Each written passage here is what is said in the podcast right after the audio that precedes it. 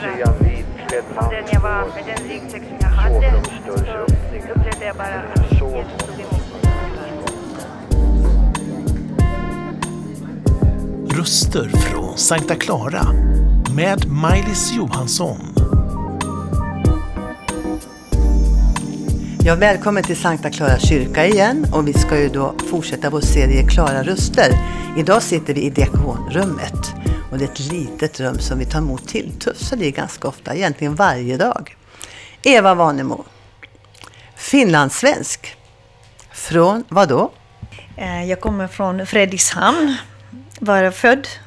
Eh, det är ehm, eh, känd som militärstad.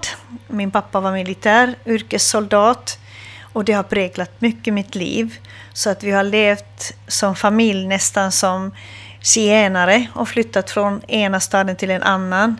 Eh, utifrån att min pappa var eh, utbildare, han utbildade soldater och därför så kommenderades då hela familjen att flytta från, från ett ställe till ett annat utifrån behovet. Eh, när det gäller din bakgrund, jag tror att du ska på en gång berätta när du fann Jesus, för det var ju faktiskt genom din pappa. Berätta det. Ja, det var lite annorlunda väg för att när jag började fundera på finns det verkligen en levande Gud? Annars tyckte jag om äh, mina föräldrar som var varmt troende äh, lutheraner att de får hålla sitt och jag sköter mitt. Men jag behöver ingen Gud.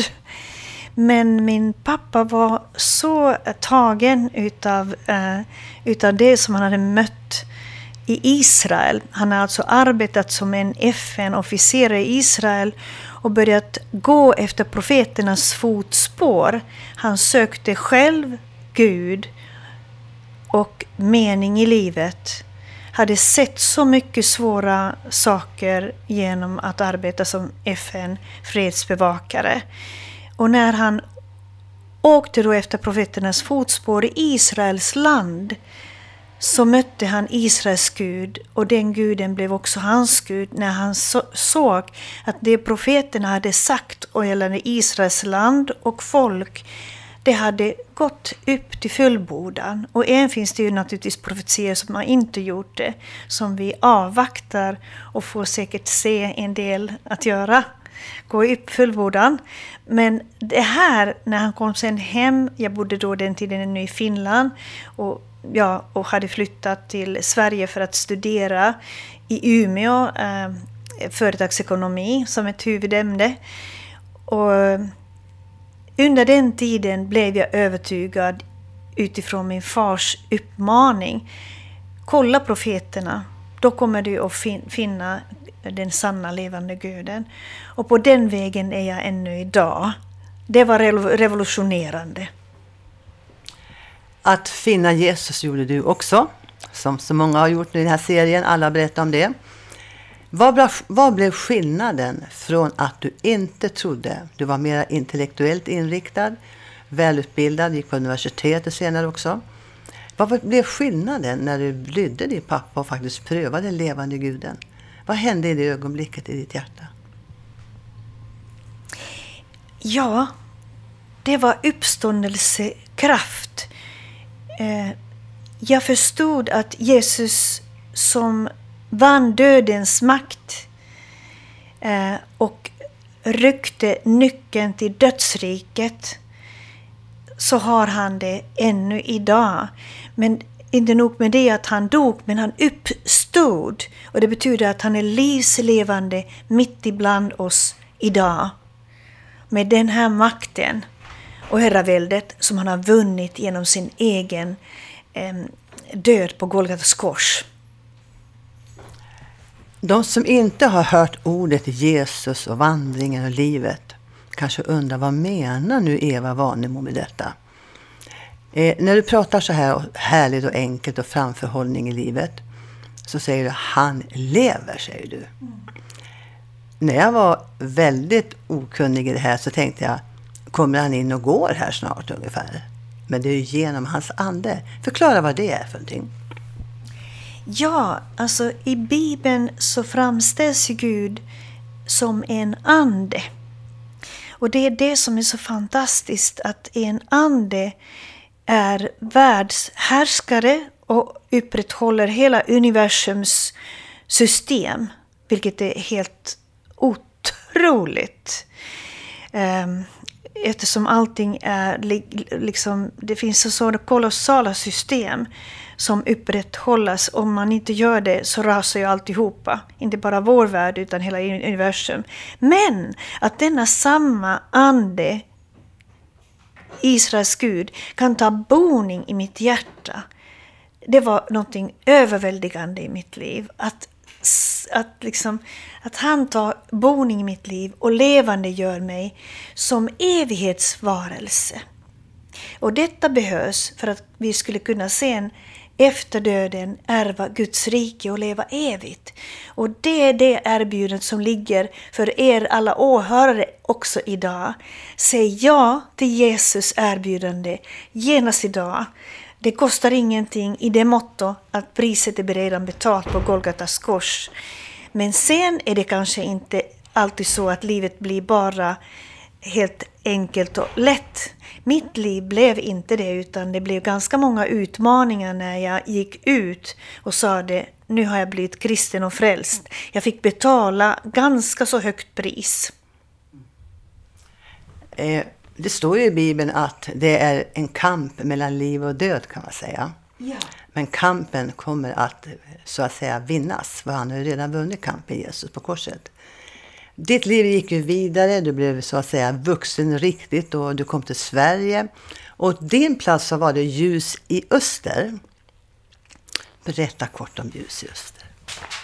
Ja, Ljus i Öster är ju redan Eh, kan man säga, um, väl erfaren pensionär som har fyllt 102 år.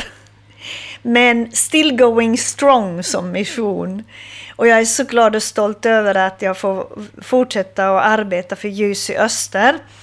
Um, för att mer än någonsin behövs vi att gå ut och parallellt med de förföljda kristna eh, ute i våra målområden våga stå för det vi tror på och räkna med att kraften kommer från ovan, från Gud. Du jobbar också på Himlen TV7. Mm. Det är ju en kristen eh, TV. Ja. Och som vi också kommer att samarbeta med här på Klara framöver. Vad var roligast för att jobba där då? Vad, vad är det som är roligt att jobba med TV? Eftersom jag har nu pionjärkallelse och det betyder att um, det ligger nära till mitt hjärta att vara med att starta någonting. Redan när jag blev kristen så startade vi en finskspråkig församling, luthersk församling uppe i Umeå. Det var det, där det började det hela. Sen fick jag kallelsen till Ljus i Öster och där också vara med och starta nya församlingar i våra målområden. Och samma liksom fotspår hade gått också när jag varit anställd för Himlen TV 7.se fast på den ryskspråkiga kanalen att börja med som heter Nebesa eh, TV7. Eh, .ro. Och där så, så håller vi nu på att bygga eh, eh, studios och utbreda vår verksamhet i Poltava, eh, Ukraina. Poltava känner vi från historien när Karl XII besökte med sin armé. Men nu har vi en annan segerkung som, som, som går i täten. Den kristna armén som verkligen är segerarmén. Och vi är redo att inta nya områden. Så att vi, vi håller på att bygga, flytta också verksamheten mer och mer till Ukraina och bredda då eh, den. Man kan säga att vi har fått en invandrare till som talar så brinnande om Jesus. Alldeles nyss har vi hört en afghan, en iransk och nu kommer en finsk tjej och pratar. Är det någon skillnad på Sverige och Finland i denna tid när det gäller det andliga? Det här är väldigt spännande eftersom jag nu senaste ett och ett halvt år har bott eh, i Helsingfors. och eh, liksom tagit vara på möjligheten som Herren har förberett mig att dela med i goda nyheter till vem som helst jag möter ut efter vad Guds helige Ande har lett mig. Och det finns sån otroligt öppenhet i grannlandet, i Finland. Så där kanske det går lite före oss när det gäller att be fram en nationell väckelse. Men jag tror, och nu när jag har återvänt till Sverige, som jag räknar som mitt hemland, jag brinner för den nationella väckelsen även här och jag ser hur överallt jag möter bönegrupper, små grupper på hemmaplan som, som känner för det här Sverigebönen och längtar efter att se en rikstäckande väckelserörelse. Och då är ju Herrens kallelse att vi ska överlåta våra liv och vara redo att medverka i den här skördetiden som skördekvinnor och skördemän. Härligt att höra. Du får, ska få tala lite finska nu tänkte jag. Nu ska du få säga några ord till de finska personerna i Sverige som kan både finska och svenska. Tala om för dem hur man blir frälst. Se on yksinkertainen tapa. Jos sydämestä huudat Herran puoleen ja kutsut häntä sydämeesi asumaan ja nauttimaan yhteistä ateriaa, niin hän on jo valmis ja odottaa sinun kutsuasi.